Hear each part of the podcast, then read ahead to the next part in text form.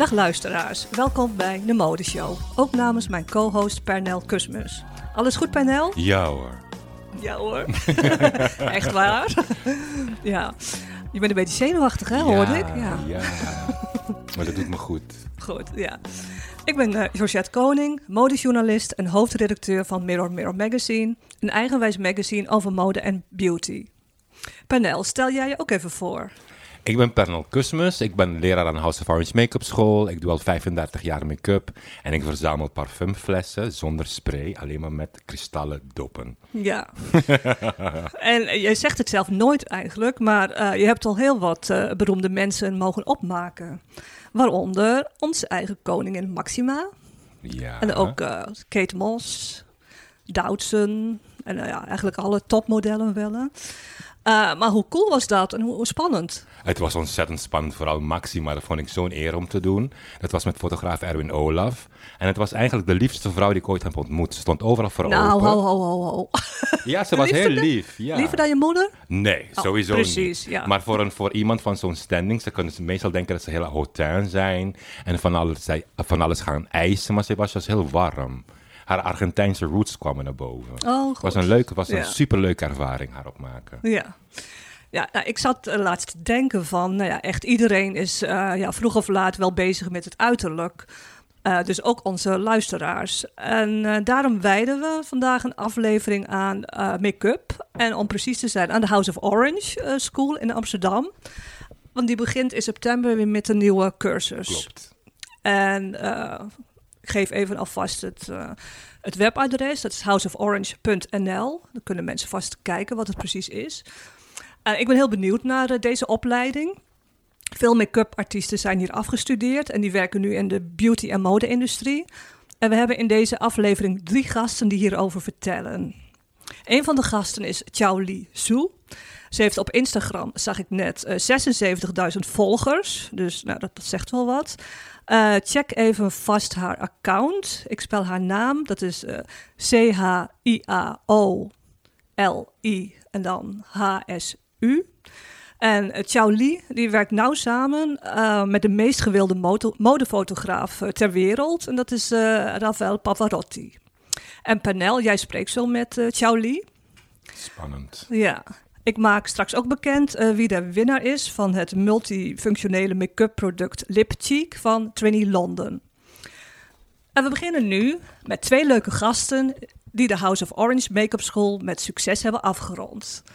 Links van mij zitten uh, Britt Breider en Samuel Does. Nou, welkom, leuk dat jullie er zijn.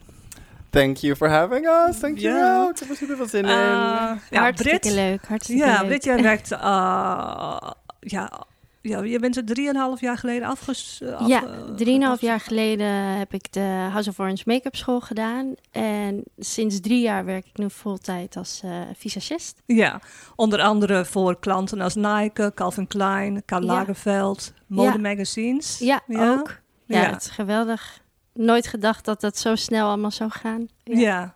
Nou, en, en Samuel, je bent iets, ietsje minder lang bezig dan, eh, dan Brit. Hoe lang is het geleden dat jij de school hebt afgerond? Ik heb geen idee. Was het twee jaar geleden? Tweeënhalf jaar Tweeënhalf geleden. jaar geleden heb ik het Oh, afgerond. ja. ja. inderdaad. Ja, zeker. Nou, en, en jij hebt onder andere een hele mooie shoot of meerdere vaker meegewerkt eh, aan de Mirror Mirror magazine. Zeker weten. Je werkt ook heel wel veel voor plezier. ja, Glam. En Glam eh, kun je meer vertellen? Je bent net terug uit Londen. Ik terug uit Londen, inderdaad. Ja. Eh, was niet voor werk. Ik had een verlovingsfeestje. Maar Oh. zo moet ook leuk. Ja, Uh, ik heb het twee jaar afgerond. Ja, ik heb ondertussen wel veel publicaties op mijn naam staan. Like in ID, Glam inderdaad Mirror. Mirror. Uh, wat nog meer? Heel veel online publicaties. Ja, het gaat heel goed. Ja. goed. En je, je bent heel goed in uitgesproken, eh, meer de uitgesproken make-up. Maar ook in, in nagels. eh. Uh-huh. Oh ja, ik ben ook met nagels bezig. Ik Ja. eh, heb een 3D-printer en ik maak zeg maar in een blender, in een soort van 3D-programma, maak ik de nagels of earcuffs of nosecuffs. Alles wat je kan bedenken, de gekste ideeën, ja. kan je zo thuis uitprinten. En binnen een paar uur heb je gewoon je idee in de wereld. ja, geweldig. Ja, mhm. Ja. En ik werk dan vaak met artiesten samen. Ja. Die dan bijvoorbeeld, want ze zijn niet echt draagbaar. Hmm. Het zijn echt ornamenten die je op je nagel draagt. Ja, Dus dus heel groot. geschikt voor eh, fotoshoots. Zeker, voor fotoshoots, Inderdaad. voor albumcovers. Komt binnenkort bij Mila komt een albumcover wat puur en alleen de nagels zijn. Ja. Dat komt denk ik, misschien eh, na de, um, naar de zomer uit. Dus ja, heel veel leuke dingen om naar uit te kijken. Ja. Nou, we gaan even lekker beginnen. En, een vraag voor jullie beiden. Dezelfde vraag. Dus hoe hoorden jullie destijds over de House of Orange Makeup School? Ik zelf heb het opgezocht online. En eh, ja, kwam allerlei eh, soorten make-up scholen tegen. En deze sprak me het meest aan, ook omdat ik een modische achtergrond heb. En vooral ja, de make-up school van House of Orange eh, is dat ook. Die daarvoor klaarstoomt. Dus daarom koos ik voor deze. Ja. Ja. Dus gewoon opzoeken. En... Ja, eigenlijk gewoon Oh. opzoeken. Niet via via te horen gekregen. En ja, dat gewoon gaan doen. en jij, Samuel? Ik heb House of Orange eh, via via gevonden eigenlijk. Ik, heb, eh, ik twijfelde over verschillende make-up scholen, dus heb ik het rondgevraagd. En iedereen zei tegen mij, House of Orange is the best of the best. En ehm, ook mijn favoriete make-up artiesten destijds zaten ook al bij de agency. En ik had ook geen idee dat die er eigenlijk daarbij... En wie was dat? Of wie waren David dat? Koppelaar natuurlijk. En. Sophia Sinoot. Die is echt iconic. Ja. Die is ook super goed bezig. Dat waren mijn twee favorieten. En Lee. Ehm, dus ja, als je dat te horen krijgt, denk je van... Ja, ik, moet er, ik hoor daarbij. Ja. ik wil ja. erbij horen. ja. Dus eh daar heb ik voor House of Orange Ja. gekozen. Ja. Nog een vraag voor jullie allebei. Waar komt jullie interesse vandaan voor make-up? Ik was er vroeger niet eens zo heel bewust van. Ehm, maar ik st- stilde altijd de make-up van mijn moeder. Daar was ze helemaal niet blij mee. Het zijn altijd prachtig mooie, dure merken. En ehm, ja, ik zelf deed altijd een make-up look eh, ja, bij mezelf. Een eyeliner. En mijn vriendinnen die vroegen altijd of ik dat ook bij hun kon doen. En ik heb het altijd heel leuk gevonden. Dus ik deed het ook altijd. En ja, toen niet echt gehoor aangegeven en ben ik eh, me gaan focussen op een modeopleiding. En pas daarna dacht ik van, ik wil iets gaan doen wat ik echt leuk vind en nooit gedacht dat dit echt een job zou zijn. En Hmm. toen eh, dit gaan doen. Ja, dus het Ja. begon eigenlijk als eh, ja, vanuit interesse, Ja, puur interesse. Ja, ja, ja, zeker. ja. En jij? Mijn interesse voor make-up begon eigenlijk heel jong. Ik had heel erg last van acne en puisten. Dus ik heb het puur als camouflage gebruikt, dat ik Oh, opgroeide. ja. ja. Maar toen had ik door, wacht eens even, ik hoef niks te camoufleren, want dat mijn huid een beetje bij begon te trekken. I don't want to stop doing make-up. Dus ik heb eigenlijk, voor mij is het een beetje begonnen om mezelf te vieren, Ja. om mezelf te uiten. En ehm, dat ik stage liep bij uh, Hedwig van Voort, heeft ze me nou, voor het eerst naar Parijs meegenomen. Zag ik alle shows. I was like, wauw, wat is dit? Ik wil hierbij horen. En ik had zo'n diepe interesse voor make-up en voor mezelf. Dacht Hmm. ik, oh, nou, dat kan ik eigenlijk vertalen naar de mode-industrie. Ik wil de shows doen, ik wil make-up Ja. en modellen doen. Ik wil andere Ja. mensen kunnen vieren. Maar het is ook een hele persoonlijke afdruk die je op andere mensen geeft. Dus het is ook een hele intieme samenwerking. En dat sprak me heel erg aan. ja. Dus toen heb ik of Maar, maar je hebt het wel zelf uitgevonden dat je, dat je die opleiding wilde. Ja, En, eh, zeker. Op een gegeven ja. moment was ik van, oké, ik moet nu make-up gaan doen. Ja, ja. zeker. Panel, ehm, de meeste cursisten, eh, hoe werkt dat? Brit die rolde er min of meer eh, per ongeluk in.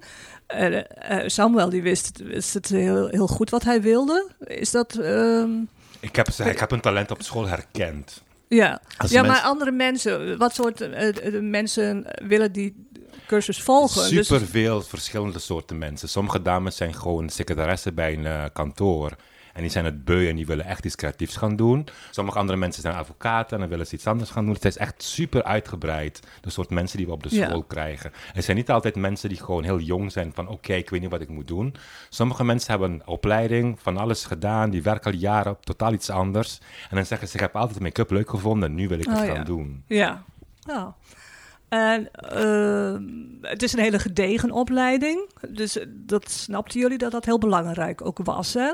Ehm, eh, wat, wat vonden jullie eh, van het niveau als je terugblikt? Ja, voor mij was het vrij nieuw allemaal. En eh, wat ik heel fijn vond, is dat Pernell echt bij de basis begon. Ja, de tools die je moest, moest gebruiken voor het make-up, zelfs je handen, noem maar op. Gewoon Ja. En wat is de basis? Ja, de basisprincipes ook van eh, het eh, kunnen herkennen van de ondertoon van de huid. eh, Hm. Het beginnen met de foundation. hoe je dat dan kan doen. Wat voor penselen je daarvoor gebruikt. wat ik al zei, je handen. Gewoon echt de basis van de basis. Ja. Ja. En eh, Over het niveau van de school. nou ja, jij had eh, ook wel ja, al veel zelf gedaan met make-up. Ja, maar dus, ik had nog eh, totaal geen ervaring of idee van like, hoe ik die de make-up bijvoorbeeld naar een klant zou moeten kunnen vertalen. En dat niveau lag hartstikke hoog bij House of Orange. Ja. Doe your homework, wat ik niet altijd heb gedaan, maar Oh. Ehm het niveau lag hartstikke hoog, want je kan de gekste dingen in de les maken, maar je moet het wel kunnen, zeg maar, vertalen, kunnen vertalen naar een concept. ja. Dus je bent wel heel conceptueel bezig. Je moet goed na kunnen denken over welke techniek je kan gebruiken, of hoe je iets kan corrigeren, of like, ook zeker die bang moeten zijn om fouten te maken. Ik heb er elke klas wel een gedachtige fout zitten maken. Ik heb nog het meest geleerd van mijn fouten in de les, Ja. dan dat ik het eigenlijk perfect deed, van Hmm. wat ik wist wat ik goed in was. ja, je noemt eh, homework, dus huiswerk. Je hebt Wat- huiswerk, Wat voor huiswerk weten. kreeg je dan? Ah, bijvoorbeeld, was de, oh, de Mugler tentoonstelling. Die was in Oh, zo, Rotterdam ja. tijdens mijn Ja, studie, of tijdens ja. mijn semester. Eh, de opdracht was om naar de tentoonstelling te gaan en dan foto's te maken van eh, wat werken van Mugler en dat te vertalen naar een make-up look. Oké. Dus dan ben je heel conceptueel bezig, dan moet je vormen en kleuren herkennen en je kan het ook letterlijk overnemen, maar je kan ook gewoon het gevoel van een, een jurk overnemen en Mhm. daar een zachte kleurwaas van maken. Ook al is het een super gedetailleerde jurk bijvoorbeeld. Ja. Gewoon puur, misschien nog het belangrijkste wat ik van heb geleerd is waar je inspiratie vandaan komt. Precies, ja.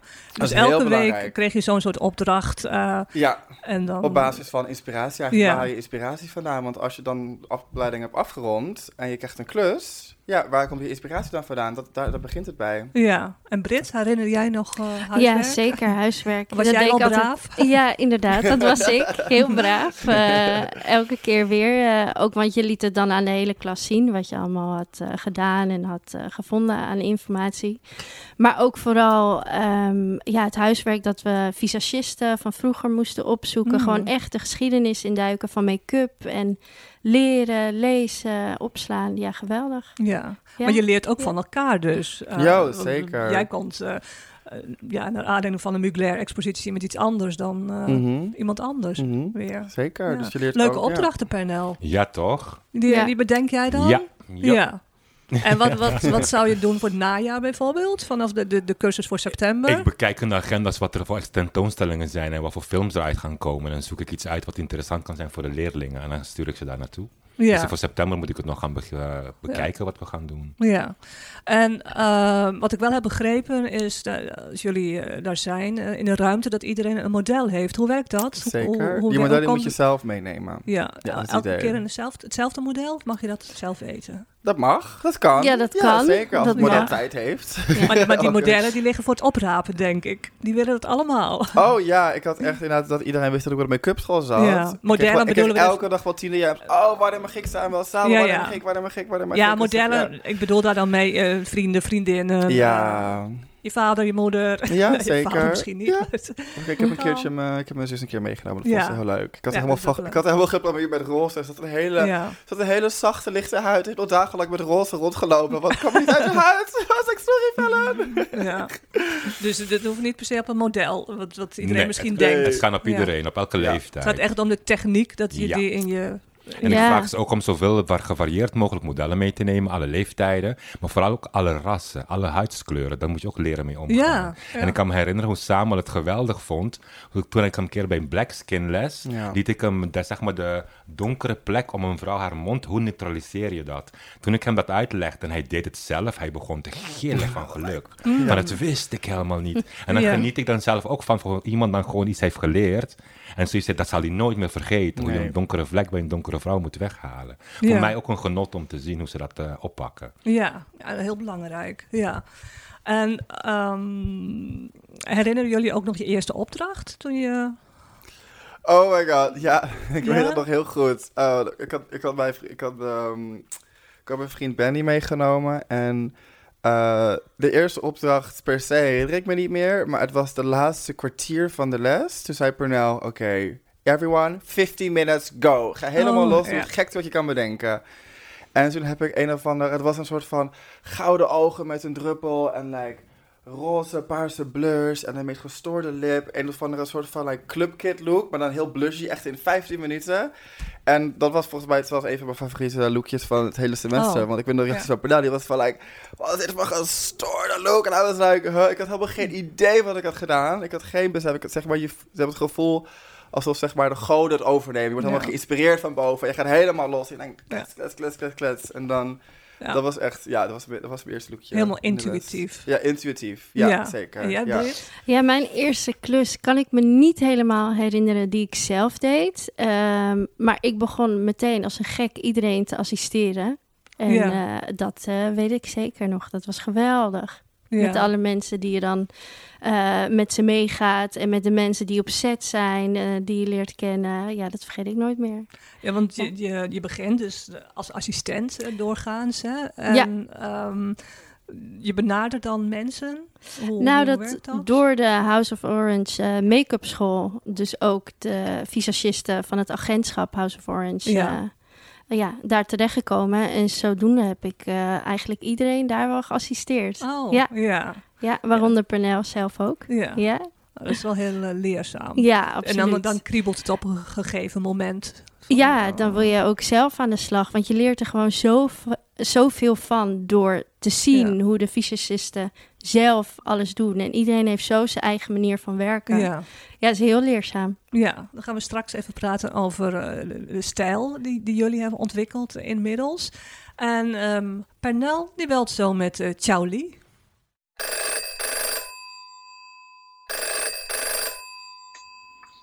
Hoi Penel. Hallo Charlie, hoe is het met jou? Ja, goed hoor. Fijn om te horen. Ik begin meteen met een paar vragen aan je. Je hebt een tijd geleden de House of Orange Make-up School gedaan. Kun je ons vertellen waarom je destijds voor House of Orange hebt gekozen en hoe je ervaringen daar waren? Ja, ehm, toen de tijd heb ik op een gegeven moment toevallig een. eh, het is al heel lang geleden. Ik heb een artikel in de Dutch gelezen. En dat is een eh, tijdschrift, eh, een eh, heel leuk modeblad in die tijd. En zodra ik het had gelezen, wist ik al dat ik absoluut naar House of Orange wilde. En het heeft toen nog even geduurd, nog een paar jaar, voordat ik het ook echt deed. Maar eh, ja, toen ik daar eh, was, vond ik het echt super, super leuk. Ik had voor die tijd nog nooit make-up gedaan. Eh, tenminste, op mezelf wel geprobeerd. Maar ja, weet je, ik ben natuurlijk eh, Chinees. Dus eh, de bladen die je dan eh, in Nederland las en zo, als ik dan dingen nadeed, dat eh, lukte natuurlijk voor geen meter, want het werkte allemaal niet op mij. Dus ja, in principe kon ik helemaal geen make-up. Dus ik vond het ook echt super leuk om te zien hoe je make-up deed. Ja, superleuke ervaring. Ik kan er niks anders over zeggen. Wat grappig dat je zegt dat je er moeite had dat je een ander oogvorm had, zeg maar, om die make-ups na te doen op jezelf. Ja. Ja, dat was natuurlijk. Hè, nee, tegenwoordig heb je YouTube en alles, dus dan is het heel makkelijk. En dan kan je overal wel iets vinden om eh, hè, make-ups op verschillende oogvormen, inderdaad. Maar eh, in die tijd had je eigenlijk alleen maar een soort voorbeelden in tijdschriften. En dat was dan eigenlijk alleen maar plaatjes of foto's. En alles op zeg maar de, het gewone westerse ooglid, zou ik zeggen. Dus eh, ja, voor mij was het natuurlijk, hè, als ik dat nadeed, zag ik er niet uit. Dat snap je wel. Dus ja, dus ja, dat was echt. het was niet per se zo dat we op de school. Hè, we, hebben, we hebben een soort van Aziatische les gedaan. En eh, niet per se dat we daar heel veel aandacht aan eh, besteden. Maar ja, je, je leert natuurlijk heel veel. En daarmee kan je zelf dan weer eh, ja, verder, zou ik maar zeggen. Oké. Maar Charlie, heeft de opleiding je ook beïnvloed in de richting die je bent opgegaan? Ja, absoluut. Want ehm, ja, voordat ik naar de school ging, had ik eigenlijk de indruk dat ik meer, laten we zeggen, traditionele beauty make-up zou gaan doen. Want dat was eigenlijk zo ongeveer het enige wat ik kende. En dat sprak me wel aan, want eigenlijk spreekt alle make-up me aan. Zoals heel veel visagisten, denk ik. Want ik vind gewoon heel veel make-up superleuk.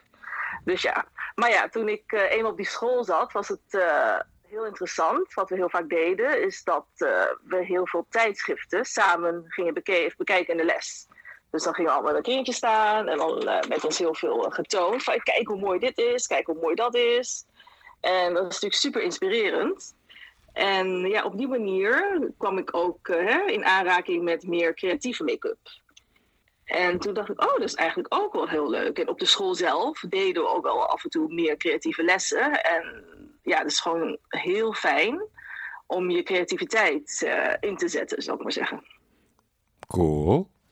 En Shaoli, je werkt nu op het hoogst mogelijke niveau voor een visagist. Je doet Italiaanse vocovers, je doet wereldwijde campagnes voor de H&M, je doet shoots met Naomi Campbell en het gaat maar door. Wat vind jij dat jouw make-up stijl zo anders maakt dat je tussen al die andere duizenden visagisten toch opvalt? Ja, dat is natuurlijk eigenlijk uh, best moeilijk om dat over jezelf te zeggen, zou ik maar zeggen. Uh, ja, ik ben er niet echt op uit om een ander te kopiëren. Weet je, ik kijk ook niet heel veel naar wat anderen doen. Uh, natuurlijk zie ik wel eens dingen. Maar uh, het is niet dat ik dan denk, oh ja, dat, uh, dat ga ik de volgende keer ook doen. Weet je, dat is nooit mijn insteek. En ik doe gewoon wat ik voel. En dat is misschien wat het anders maakt. Dat ik eigenlijk echt heel erg op mijn gevoel werk. En ik moet ook zeggen dat ik me vroeger wel zorgen maakte. Vooral toen ik nog in Nederland woonde. Van, goh, weet je, mijn stijl is toch wel anders, hè. En uh, ik weet niet of dat wordt geaccepteerd. Want mensen willen eigenlijk dat je hè, meer conformeert. En doet wat iedereen doet. En meer gewoon werk doet. Dus uh, ja, dat vond ik toen de tijd eigenlijk wel lastig. Want mijn gevoel zei dat ik uh, hè, anders wilde werken. Maar ehm, mijn omgeving zei dat ik me moest aanpassen, zou ik maar zeggen. maar uiteindelijk heb ik toch meer mijn gevoel gevolgd. En uiteindelijk ben ik naar buitenland gegaan, zeg maar. En dat was voor mij, uh, voor mij werkte dat heel goed, weet je. Ik zal niet zeggen dat het voor iedereen hè, iets is wat ze dan moeten doen. Maar toen ik eenmaal was gegaan, had ik zoiets van, oh, weet je, dat had ik eigenlijk veel eerder moeten doen. Want uh, nu krijg ik toch meer uh, de kansen om te doen wat ik wil doen. Hoewel je natuurlijk altijd in een team werkt, maar toch, weet je, het voelt toch anders als, je, als er meer, ja, gewoon als mensen meer voor naar kijken van hé, hey, wat wil jij? En weet je, dat, dat er echt meer ruimte voor is, zou ik maar zeggen.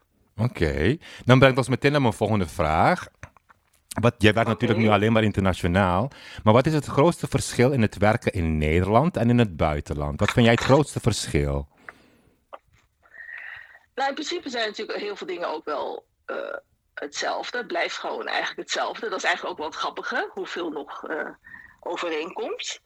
Maar uiteindelijk, uh, wat ook wel toch een verschil is, is dat er, ja, naar mijn idee is er wel meer ondersteuning natuurlijk. Weet je, als je op een hoger niveau werkt en je hè, werkt in het buitenland, dan uh, worden je bepaalde obstakels toch makkelijker uit de weg uh, hè, gehaald, zou ik maar zeggen. bijvoorbeeld als je dan aankomt of zo, dan zullen ze wel voor alles aan doen om je te helpen. Als ik dan zeg, ik wil een extra tafel, ik wil twee extra tafels. Weet je, het zijn eigenlijk kleine dingen. Maar ja, dat kan allemaal heel makkelijk. Weet je, dan komen er gelijk, hè, uh, komen ze aan met die extra tafels. Zodat je dan toch de ruimte hebt om al je spullen uit te stallen. Want ik ben iemand die het gewoon heel. En eigenlijk, volgens mij iedereen, weet je, elk vies is dat wel uh, denken. Van ja, ik wil gewoon heel veel ruimte om mijn spullen gewoon goed uit te stallen. Zodat ik kan zien wat ik heb. Want op die manier kan je natuurlijk ook geïnspireerd raken hè? door de producten die je hebt, of de spullen die je bij hebt. Dat je denkt, oh ja, dan ga ik dit even doen, zeg maar. En ook gewoon, hè, gewoon alle ondersteuning die er is op de set. Weet je, als je iets nodig hebt, kan je altijd uh, iemand vragen om je daarbij te helpen. Zou maar zeggen, niet dat ik heel veel nodig heb. In principe neem ik natuurlijk wel alles mee. Maar het is gewoon uh, die extra ondersteuning. En zeg maar, er is ook veel respect voor het werk, wat iedereen doet. Want er is een heel goed besef van, oké, weet je, wat iedereen is belangrijk. En dat is natuurlijk heel fijn. Het klinkt heel herkenbaar wat je nou zegt. Maar is het dat dan in Nederland ja. heb je als, als je een beauty doet of een campagne, krijg je heel veel tijd. Soms maak je in Nederland gewoon twee foto's op een dag. Hoe gaat dat in het buitenland? Hoeveel tijd krijg je voor een facepaint bijvoorbeeld te doen? Nou, in het buitenland is het uh, ja, toch wel heel anders. Tenminste, ja, uh, misschien is het ook gewoon mijn ervaring. Of misschien is het gewoon iets wat ik per ongeluk zelf heb gecreëerd. Dat weet ik niet zeker wat het dan echt is. Maar ik bedoel, hè, toen ik mijn uh, eerste grote shoot voor de Britse Vogue deed, hadden we acht modellen. En uh, ik weet niet hoeveel foto's we hebben gemaakt, maar echt wel minstens 16 of zo. En het waren allemaal uh, ja, face paint, body paint, echt full aan make-up. En er was echt zoveel. En ik heb echt constant aan één stuk doorgewerkt. Ik had wel een paar assistenten, maar uiteindelijk hè, de, het voornaamste werk komt toch op mij neer. Dus ik heb echt al die make-up zelf gedaan. En het, het, was ook zo dat op een gegeven moment de producer zei van... hé, hey, weet je, ik zie dat je gewoon echt niet uh, kan eten, weet je. Moet ik je voeren, vroeg ze. Weet je, ik kan je echt voeren. Terwijl jij wat make-up, kan ik jou voeren. En ik zei, nee, je hoeft me niet te voeren, weet je. ik dacht, het is wel heel lief van je aangeboden. Maar nee, ik ga gewoon door, weet je. Ik kan altijd morgen nog eten. Vandaag gaan we gewoon door make-uppen. En ik heb, uh, weet je wel, andere ervaringen wat dat betreft. Want ik had, um, ik had ook een keer in Parijs had ik een, uh, een beautycampagne. En ze wilden 16 make-up looks. Wat natuurlijk echt wel heel veel is op één dag. Oef. Eén dag 16 looks. Want ja, ik vind, uh, eerlijk gezegd vind ik acht looks al veel op één dag. Laat staan 16. En we hadden wel meerdere modellen, weet je. Dus je kan natuurlijk hè, door blijven werken. Maar ja, het is natuurlijk eigenlijk, eigenlijk wel heel veel. Maar het komt natuurlijk ook door hoe er, hoeveel er veranderd is. Want tegenwoordig uh, op een shoot ze schieten natuurlijk hè, de, de echte campagne. Maar ze schieten soms ook hè, erbij voor social media, voor Instagram, en ook aparte dingen voor TikTok. En dan schieten ze nog uh, video's erbij, gewoon voor, uh, voor de website. En nog, weet je, soms zijn er dan zoveel dingen die meespelen. Dus er moet steeds meer en meer en meer content worden gemaakt. En weet je, die shoots zijn natuurlijk best groot en ze willen natuurlijk zoveel mogelijk eruit halen.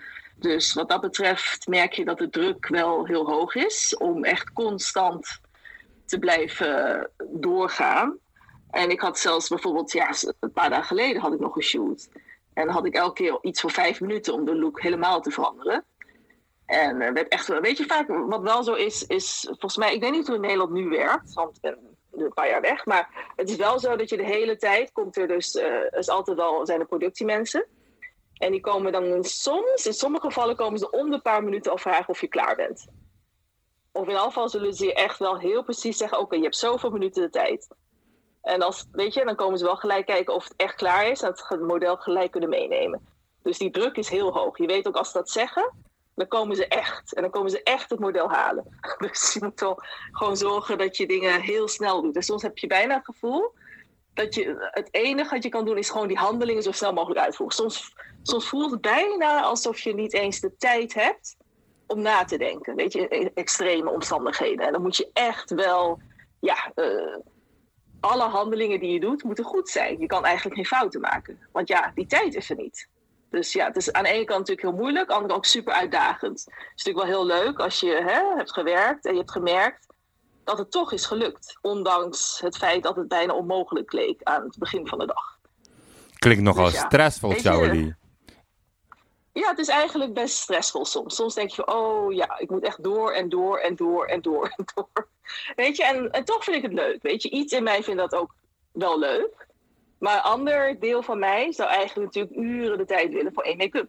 Want ik weet gewoon, als je wel de tijd krijgt, als je bijvoorbeeld hè, in plaats van vijf minuten, uh, laten we zeggen twee uur, en dat is wel heel, heel luxueus tegenwoordig, maar als je twee uur zou krijgen, ja, dat is toch echt een andere make-up die je dan kan doen.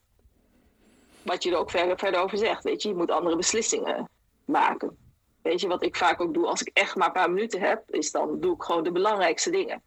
En een paar andere dingen laat ik dan maar even achterwege. Maar ik denk van ja, het belangrijkste is dat, weet je, wat het grootste effect geeft. En dat doen we dan even snel. Want voor iets anders, daar hebben we echt geen tijd voor. Bijzonder dat je dat zegt, want als ik naar jouw werk kijk, het is altijd zo perfect opgebracht. En het is altijd zo anders dan anders. Waar haal je eigenlijk inspiratie vandaan? Um, ja, dat is eigenlijk. Uh, eigenlijk haal ik mijn inspiratie uit dezelfde dingen als iedereen, neem ik aan. Weet je, ik weet niet precies wat andere mensen doen, maar ik neem aan, weet je, natuurlijk, ik kijk naar uh, kunst, ik kijk om me heen, weet je, als ik op straat loop. Uh, ik kijk gewoon in het algemeen naar dingen, ik kijk ook naar de natuur. Maar ik denk niet eens dat het uitmaakt waar ik mijn inspiratie vandaan haal. Het gaat er meer om hoe ik die inspiratie interpreteer, denk ik. Dat is volgens mij het belangrijkste. Want soms zie ik iets en denk van, oh, ja, dan kan ik dit ermee doen. En in mijn hoofd denk ik dat iedereen dat ziet en dat iedereen dat zou doen. Maar dat is dus niet zo, heb ik wel eens gemerkt. Want ik heb wel eens ervaring gehad dat ik dan uh, inspiratie kreeg en dat ik uiteindelijk besloot om een bepaalde shoot dan niet te doen. En dat ik dan in mijn hoofd het idee had dat het logisch, was om logisch zou zijn om bepaalde dingen te doen. En dat je dan ziet dat de andere visist dat niet heeft gedaan. Dat je denkt, oh ja, dat is natuurlijk wel interessant. Natuurlijk interpreteert iedereen inspiratie op een andere manier. Weet je, maar uh, ja, soms door het je eigen brein op een bepaalde manier werkt, denk je dat iedereen hetzelfde ziet. Maar dat is natuurlijk niet zo. En dat is natuurlijk wel superleuk. Oké. Ciaoli, je werkt nu voornamelijk met de hele beroemde Braziliaanse fotograaf Rafael Pavarotti. In een vorige aflevering heeft Frans Ancone zijn bewondering voor hem uitgesproken. Mag ik weten hoe je hem hebt ontmoet?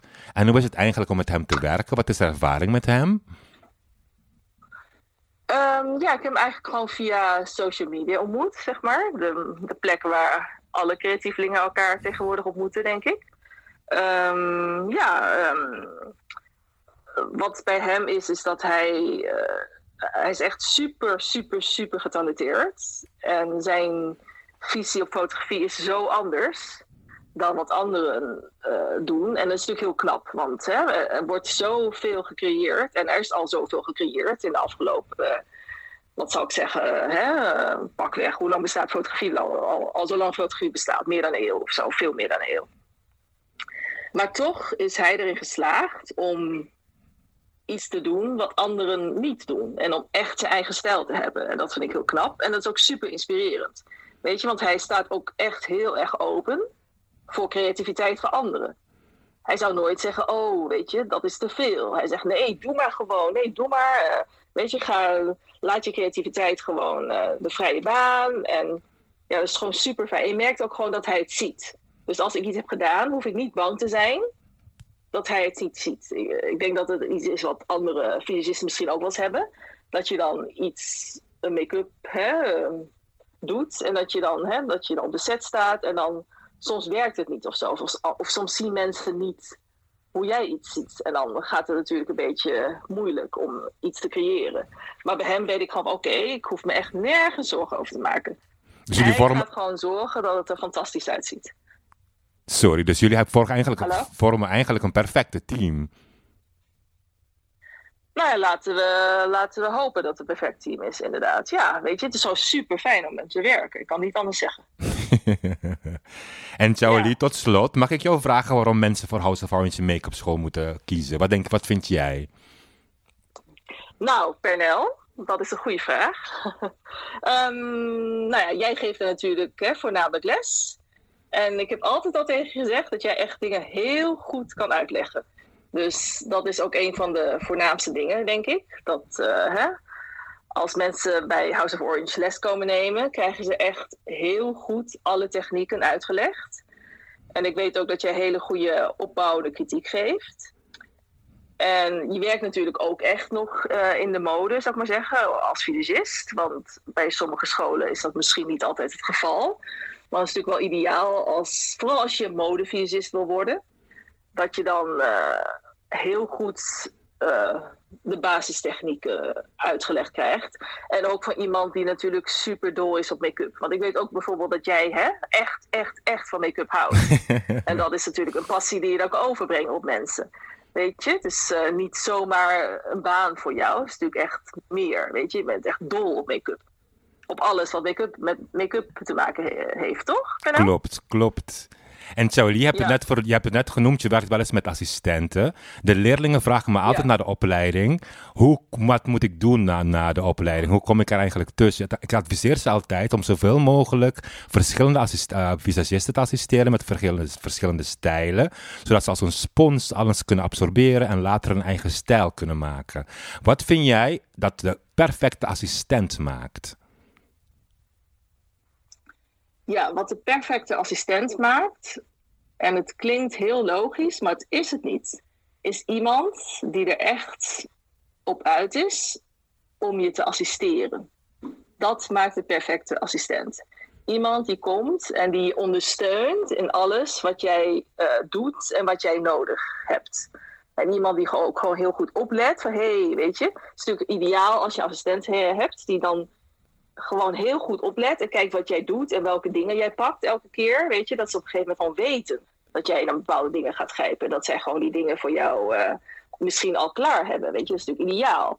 En als je als, als assistent dat soort dingen ook heel erg doet en heel erg oplet, dan leer je ook automatisch heel veel, weet je. Want het gaat ook gewoon om dat je bijvoorbeeld ziet hoe iemand, hoe de visagist werkt in bepaalde omstandigheden. Dus als jij daar gewoon staat en altijd, hè, altijd oplet en altijd probeert te assisteren, leer je ongemerkt echt superveel van hoe dat allemaal in zijn werk gaat. Dus dat is iemand die voor mij de ideale assistent is. Heel duidelijk. juiste insteek, toch? Ja. dat is heel erg duidelijk. Ik wil je heel erg bedanken voor dit gesprek. Trouwens, heb je nog spannende dingen die eraan gaan bedankt. komen? Heb je nog spannende dingen wat je gaat Nou doen ja. deze week? Of dingen die uit gaan, uit gaan komen in de bladen dat wij kunnen zien? Ja, er komen inderdaad nog allemaal spannende dingen aan. En ik ga ook nog spannende dingen doen. Maar eh, ik kan daar helemaal niks over zeggen, helaas. Want ja, voordat dingen uitkomen, mag ik eigenlijk eh, niks over zeggen. Dat is natuurlijk heel vaak zo. Maar ja, ga er maar vanuit dat er nog leuke dingen aangekomen zeggen. Ja. heel erg leuk. Charlie, heel erg bedankt voor dit gesprek. En hopelijk tot heel snel. Jij ook bedankt. Dag, ja, snel, dankjewel. Doei doei. We vervolgen het gesprek met eh Britt Breider en Samuel Does, die eh, beiden de make-up school hebben afgerond. Eh, jullie hoorden net ook het gesprek met Chow Lee. En eh, wat valt jou op? Of Wat valt jullie daarop? Eh hoor je dan nieuwe dingen? Verbaas je je ergens over? Mm, Nou, wat, wat ik wel eh, fijn vond om te horen, dat ook zij, zij doet make-up natuurlijk op zo'n hoog niveau. Maar dat zij zelf ook nog echt wel de druk voelt van wat ze allemaal van haar willen. En ja, dan denk ik, ja, ze zit zo aan de top, maar ze blijft ook mens. Dat vond ik wel echt bewonderingswaardig. En dat Ja, ze dat ook de- zo durft uit te spreken, vond ik ook hartstikke cool. Ja, er wordt natuurlijk Ja. wel verwacht dat je presteert in, Ja. in, eh, wat voor team het ook is natuurlijk. Dat is altijd Ja, wel, ja.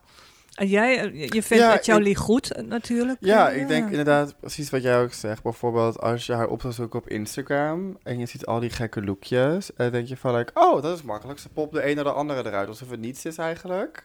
Maar dan Ja. dat je nu inderdaad een beetje meer behind the scenes hoort van, like, er is ook stress op set altijd. De werkdruk is hartstikke hoog en ze werkt hartstikke hard. En dan dat ze misschien wel 16 looks op een dag wil doen. Natuurlijk belachelijk. Ja. Dat ze gevoerd moet worden. Dat is, Ja, ja. dat is toch gesoord.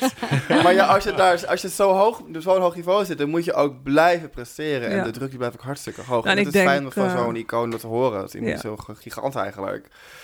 Ehm, te horen dat ehm, de druk die, bij, die, die- dat die er altijd wel is, inderdaad. Maar ik denk dat die voorbereiding natuurlijk ook heel goed is. Oh ja, NL. inderdaad. Ja. Want ik, zou, ik kan me niet bedenken hoe ik me zou voelen als ik 16 looks op een dag moet doen. En dan komt iemand om de drie minuten zeggen, is al klaar. Ja. Ik zou gek worden. Maar ik weet dat Charlie heel rustig is, dus hij neemt het allemaal, aan, allemaal op. Maar als iemand na de derde keer tegen mij komt zeggen, ik heb maar drie minuten, ik zou ontploffen. Hoe zouden jullie ermee omgaan? Ik zou... eh, ik zou bijna een beetje rebellig doen en dan echt, nou niet van... Ja, als die look niet af is, is die niet af. Ik ga niet een model bijvoorbeeld naar de set sturen als het niet af is.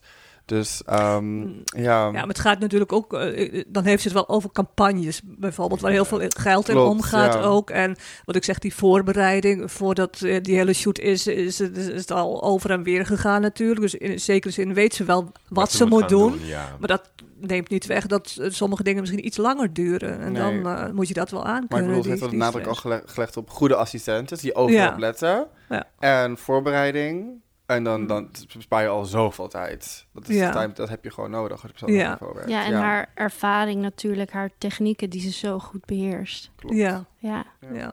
Dus jullie zouden haar wel willen assisteren, denk Of ik. course. Call me Charlie, I'll call you. Ja. Nee, het is ook wel, wel, wel, wel grappig dat, dat ze vertelde hoe bereik je zo'n beroemde fotograaf. Dus gewoon eh, via de sociale media. ja. ja.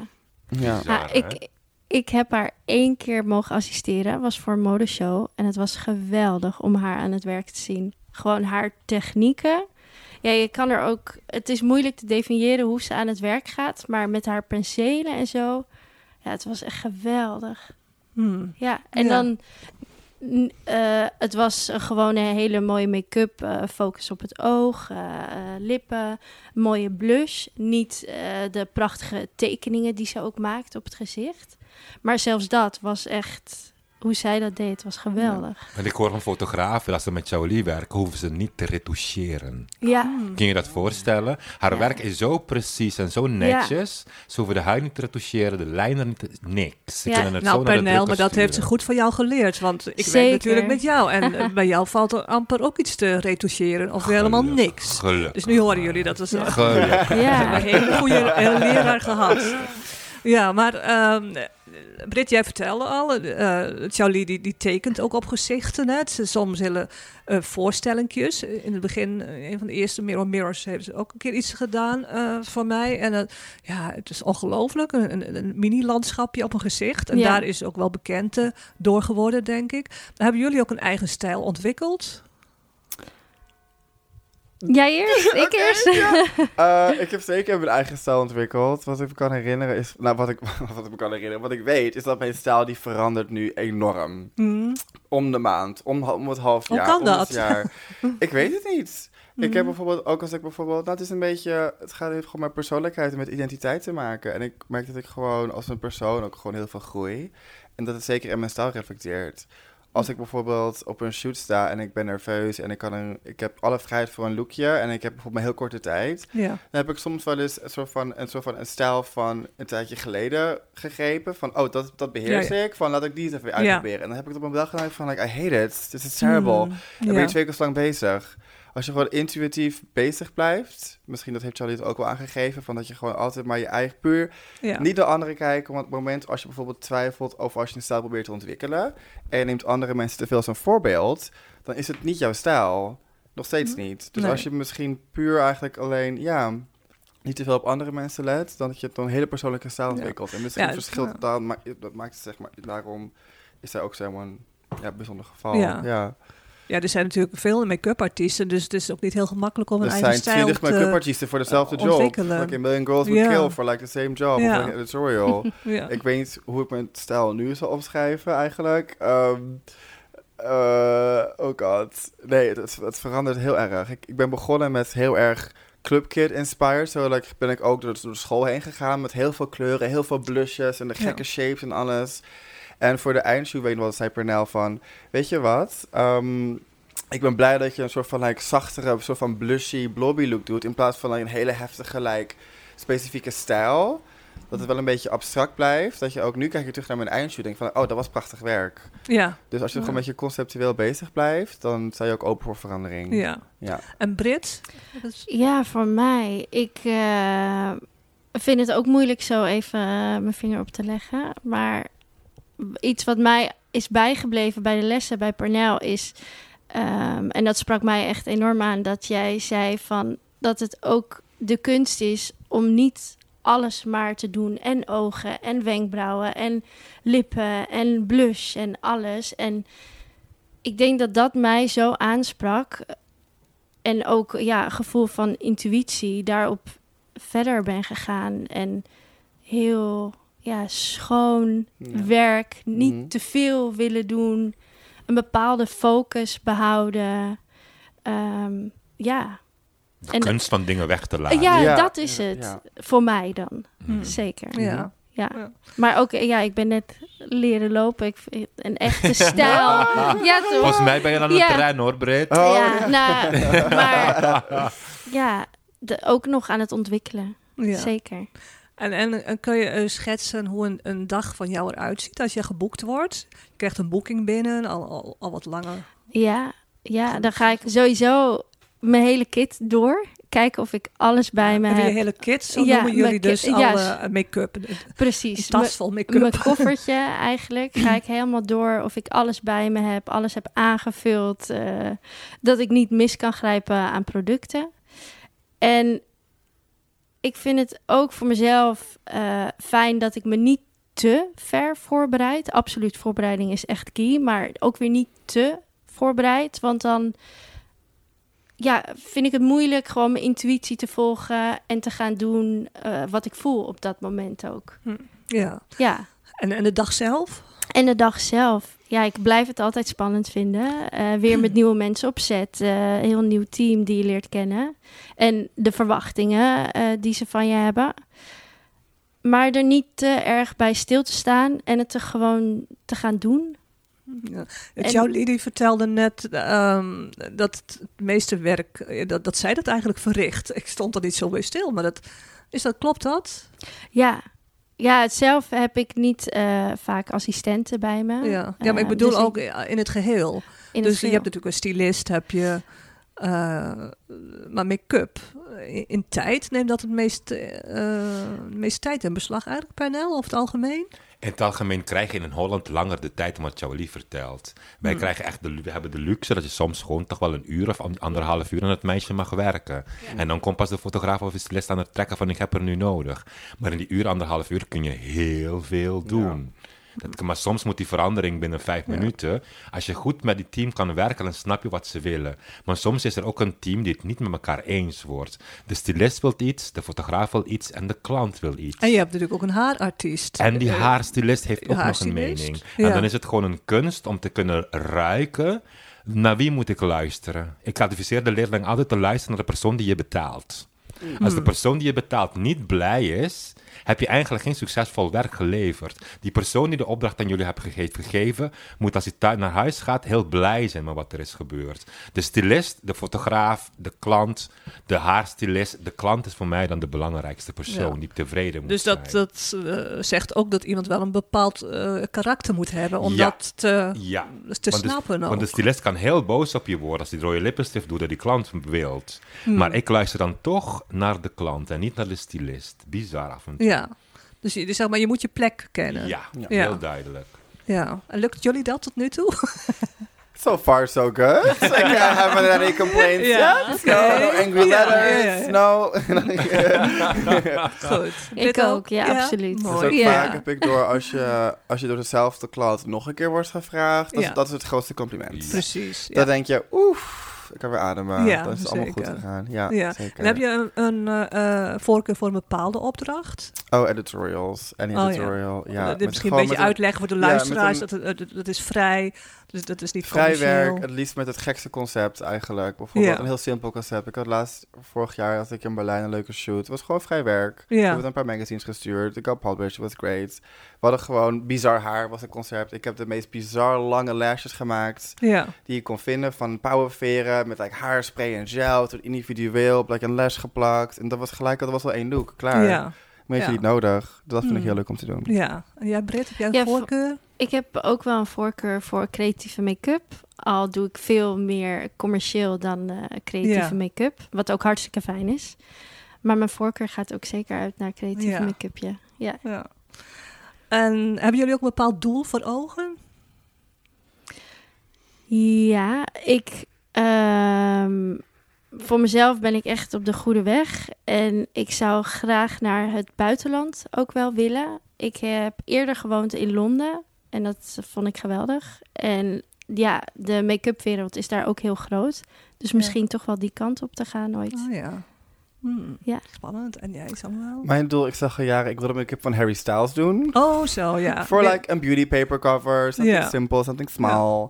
Ehm, ik wilde make-up van Harry Styles doen en ik wil de make-up voor een show in Parijs doen. Dus Ja. like een heel team. En, en hoe pak je dat aan? Hoe werk je daar nu aan? I'm working on it. ja, ja. Is dat heel veel eh, contacten? Eh, wat- eh, ja, nee, nou, wat- via sociale media. Ja, nee, wat, ik heb geleerd is feestjes. That's Oh, ja. Like, it's networking. Ga naar Mhm. Parijs, ga naar de feestjes toe. Go to an afterparty, chat with everyone. Ook wat ik altijd heb geleerd, dat is gewoon ook normaal, maar gewoon ook op set, doe gewoon aardig tegen iedereen. Hmm. Dus het is Ja. geen reden waarom je bijvoorbeeld bot tegen like, het assistent moet doen. Of like, iemand die Ja. eten regelt. Als je gewoon die energie uitstraalt. Gewoon heel beleefd. Treat people with kindness. ehm, dan kom je ook heel ver. Ja. Ik heb, ik, Oh. heb, ik heb ook gemerkt dat mensen me ook opnieuw hebben geboekt. Gewoon alleen maar omdat ze mij leuk vinden. Mijn Hmm. werk ook. Maar van, Ja. jee, Samuel, die energie die jij op set brengt. Ja. eh, dat hebben we nodig. Want we hebben Mm. een hele dag... Wat voor MTV vorig jaar was in Berlijn was een productie. En Eva, echt een schatje, I love her so much. I met her at a party. En she the admin, she was like... Hey lieve schat, ik ga met een MTV-productie doen. En like, het gaat een hele lange dag worden. En ik heb een heel leuk team nodig. Ik heb jouw energie en jouw make-up nodig. Ja. En dan zei ik, oké, ik ben erbij. ja. Dus zo gaat het eigenlijk. Ja. Altijd je beste beetje voor. Maar wie doet nu de make-up van Harry Styles? Eh, dat, wordt niet echt dat is niet echt super duidelijk eigenlijk. Ik bedoel, Harry Styles doet niet, doet niet zo heel veel. Ehm, Hmm. Eh, bijvoorbeeld als hij, als hij optreedt, is het gewoon Ja. wel heel bijzonder. ja, ja. Ehm, maar ik kan nog wel, ik weet eigenlijk niet wie die make-up Hmm. toen voor eh, Beauty Papers had gedaan, maar dat was heel mooi. ja. Misschien doet hij het zelf. oh god, ja. De rockstar that he is. Ja, hij kan Ja, alles. Bam. Ja, maar want Oh, nee, eh, cele- ja, nee, celebrity, eh. Ja. celebrity make-up artist is weer een ander. Dat, dat Klopt. komt natuurlijk veel voor in. Amerika. Hè? Ja, Ik ben, ja, ja, ja. Bijvoorbeeld uh, Lieselotte van Saarloos, die heel veel Mhm. voor mij heeft gedaan. Die is naar Amerika gegaan en die, die vertelde al dat ja, dat vindt zij leuk. Dat Ja, komt daar vaak voor. Ja. Dus, eh, Inderdaad. Moet ik toch naar L.A.? misschien weer een ander verhaal. want we hebben van de school heel veel beroemde visagisten geleverd. Georgette Mhm. noemt net Lieselotte van Saarloos, die net naar Amerika is verhuisd. Maar we hebben ook Benjamin Pucky, die nou ook Ja. de school heeft gedaan Er jaren staat nu een geleden. heel groot interview in Mirror Mirror met interview hem. met Mirror Ja. Mirror. Hij heeft een campagne voor Clé de Peau, een onderdeel van Shiseido. Dat is gewoon de grote aardbei op, op, op zijn, eh, op zijn zeg ja. maar. Ja. En we hebben ook Sil Bruinsma, die al de shows voor Ronald van der Kemp doet en heel veel in New York woont. En werkt. We hebben echt hele goede mensen kunnen leveren Ja. van de school. Daar ben ik heel trots op. Ja.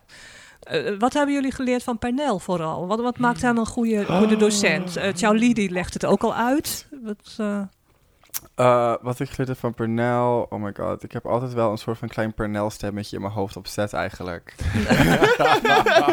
Het is echt waar. Het is echt Eigenlijk, nee, nee, nee, dit, dit, dit weet ik zo. Uh, netter werken. oh ja, ik ben ja. altijd heel klets, klets, klets. Enthousiast. En heel enthousiast ben ik Ja. inderdaad. Um, en dan heb ik altijd, als het lookje af is, denk ik, heb ik altijd een panel in mijn hoofd zitten van, oké, okay, dat Mhm. kan even iets netter. Pak even die even iets bijwerken. Of die lijn nog even wat strakker. Of Oh, die ja. lasjes even wat zo. Dus uh, s'nachts Het is- droom je van Pernel. ja. Dan komt hij nog even voorbij. Nee, dat is echt zo. Het is altijd, zeg maar, die laatste stap is heel belangrijk. Om het toch net even een lookje te maken. Ja, Het moet niet messy zijn natuurlijk. nee. Ja, ik ben misschien toch iets te enthousiast. Dus, nee. Ja, en voor mij is dat... Er zijn zoveel looks aan bod geweest tijdens de make-up school... die ik nog steeds doe. Voor een commerciële look of is het iets meer glam of met glitterwerken. Ja, van alles. Maar dat is wel echt iets uh, wat ik nog steeds doe. Looks ook die hij ons heeft geleerd. Hmm. Ja. Ja. Nou, onder de indruk. Bijna. Ja. ja, toch? Ja. En, nou ja, normaal zit in deze podcast altijd de vraag van de dag. En die is dan van een luisteraar. Maar nu uh, heb ik mezelf even bedacht. En, en, en Penel, um, ik wil het ook van jou weten. Uh, waarom moet een beginnend make-up artiest kiezen voor House of Orange? Voor de make-up school? Oei, dat is een lastige vraag. Waarom moet je voor House of Orange kiezen? Ten eerste vind ik, omdat ik je beloof om zeg maar de allerbeste versie van jezelf te maken. Je hoeft geen kloontje te worden van mij of van de, gastleraren die les komen geven. Ik vind het heel belangrijk dat je je eigen stijl kan ontwikkelen. En dat vind ik de, het belangrijkste van de school. Dat de mensen die voor de school afkomen, hebben allemaal een andere stijl. En daar ben ik heel erg trots op. Ze hoeven niet allemaal dezelfde ogen of dezelfde mond te maken die ik doe. Samuel heeft een totaal andere manier van werken dan Brit. Ze hebben allebei bij mij in een klas gezeten en je kan het toch niet bij hun weghalen dat ze van mij les hebben gekregen. En dat vind ik heel fijn. Ze hebben allemaal een andere stijl. Dat vind ik de kracht van de school. Ja, ja dat lijkt me ook heel, heel belangrijk om uh, je weg te vinden in deze Ja. industrie. Want dat, iedereen, iedereen doet zeg maar een Kim Kardashian, misschien mag Ja. ik dat wel niet zeggen, maar iedereen houdt van die glam. Samuel doet een glam, ziet er totaal anders uit dan als Brit een glam doet. En dat vind ik heel fijn, dat ze toch bij hunzelf blijven en hun eigen stijl aan het ontwikkelen zijn. Dat vind Ja. ik heel fijn. Het zijn geen volgers. Absoluut zeg maar. geen volgers. Nee. Nou, Pernel, stel mensen die zijn heel enthousiast geworden en die zijn benieuwd naar de cursus. Um, hoe lang duurt het? Ik weet het begint in september, de eerste week van september. Het is op zondag, dus mensen die een baan hebben, die kunnen ook op zondag. En uh, hoe lang duurt zoiets? De opleiding is op zondag en maandag, kunnen mensen kiezen. Het duurt 16 weken, waaronder zeg maar ook uh, gastlessen van andere docenten. Ja, wacht eens even, van wie onder andere? Van visagisten, andere make-up artists, dus niet alleen maar van mij. Want ik vind het belangrijk dat ze de stijl van veel verschillende mensen zien. Dus er komen andere visagisten op de school lesgeven. We hebben een samenwerking met Chanel Beauty. We gaan naar hun hoofdkantoor in Amsterdam. We krijgen daar een masterclass van een visagist. En we werken ook met veel producten van Chanel. En wat ook dus heel die producten die krijg je er gewoon die krijgen ook, we krijgen producten van Chanel. Ja. Echt heel, we zijn de enige school die dat heeft, die Ja. samenwerking. Daar zijn we ook heel blij mee. En we krijgen ook een masterclass van Lisa Kondrevich. Dat is in mijn ogen de beste face chartmaker ter wereld. Ze heeft ook Eh, een heel mooi boek erover gemaakt. Ja, en een face chart, dat is een, een soort tekening met de make-up erop en die wordt dan uitgewerkt. Klopt, waar je gewoon zeg Ja, maar want, eh, oogschaduw, blush, lippenstift allemaal Ja, kan want als iemand een opdracht krijgt, dan eh, wordt er soms gevraagd van wat ga je doen? En dan laat je zo'n face chart zien. Een art director of een fotograaf of een klant wil dan zien, oké, wat ga je vandaag doen? En dan kun je die klant laten zien met face shots wat je van plan bent. En Ja. dan kun je dan samen met die fotograaf of die klant, oké, dit doen we wat meer, dit kunnen we veranderen. Maar het is voor een klant en voor je visagist zelf heel fijn om te hebben, een Ja. face shot als Maar uitgangspunt. ja, dus het is een hele creatieve opleiding. En super creatief. Ja, en hoe groot is zo'n klas? We hebben klassen soms van 12 of klassen van 5. Het hangt er net vanaf hoeveel aanmeldingen we hebben en hoeveel mensen ik toelaat. Ja. Ik heb altijd een gesprek met iemand die zeg maar naar een school wilt. Het is niet zomaar dat je alleen maar je aanmeldt Nee. en je bent er vanzelf. Je moet wel een, eh, een, reden geven. passie. een- een- je ja. hoeft helemaal niks, je hoeft helemaal geen make-up te kunnen. Wat ik Nee. zoek in de nieuwe leerlingen is een passie voor make-up. Ja. Als je dat hebt, ook heb je nooit een kwast aangeraakt, dan durf ik het met je aan. Ja, en er is een eindshoot en, en die wordt vaak geplaatst ook eh, online. Mirror, Ja, mirror. we hebben een eindshoot, maar we hebben ja. ook de, het, gewoon midden in de cursus hebben we ook een online shoot voor Mirror Mirror Online. En dan zijn ze altijd heel erg zenuwachtig. Ja, terecht. Want het is een eerste publicatie, Mirror Mirror Online. En Mirror Mirror is de enige beautyblad die we in Holland hebben. Dus elke, elke leerling kent het. Dus ze vinden het heel spannend om te doen. Ja. Heel fijn dat we dat hebben, die samenwerking met Mirror Mirror Online. Ja, met een goede fotograaf wordt dat Yes. gedaan. Ja. Nou, we, gaan, we zijn bijna aan het eind, maar we gaan nu even bekendmaken wie de winnaar is van eh, het make-up product van Trini London. Kennen jullie het merk Trini London? Ja. Ik zie ze vaak op Instagram langskomen. Ja, ja, ja, ja, ja, ja. Ja, nee, zij is, eh, ze had vroeger een make-over programma als een van de eerste. Dus dat is ontzettend veel gekopieerd. Maar ze heeft kennelijk ook een passie voor beauty. Dus heeft ze dit merk opgezet. En ik, ik moet zeggen, ik vind het een goed merk. En eh, dus dit keer mogen we iets weggeven. Dus dan hebben we altijd deze gouden beker. En dan haalt eh Pernel daar een naam uit. Drumroll. Ja, En ja. Georgette. eentje, ja. Kan het Kan je het lezen? Nou, dat is de Dutch Fashion Foundation. Nou, de winnaar, eh, de Dutch Fashion Foundation. Gefeliciteerd. Gefeliciteerd. dus, ehm, die, die hebben dus geliked op eh, de modeshow, eh, op het modeshow gifje. Dus vandaar. Dus, Dus hoeveel producten Leuk. moet je opsturen dan naar de... Naar dan de... krijgen we één product. Dan krijg je één product. En dat Goed delen zo. ze maar met die hele foundation. Zien we hoe ze dat Goed doen. zo. Ehm, nou, dat was het eh, voor nu. Dus eh, heel veel dank, eh, Brit en Samuel en Pernel. Nou, abonneer je op de Modeshow. Via je favoriete podcast-app. En met dank aan de montage van Marius Kooi. En tot de volgende keer. Doei. Doei. De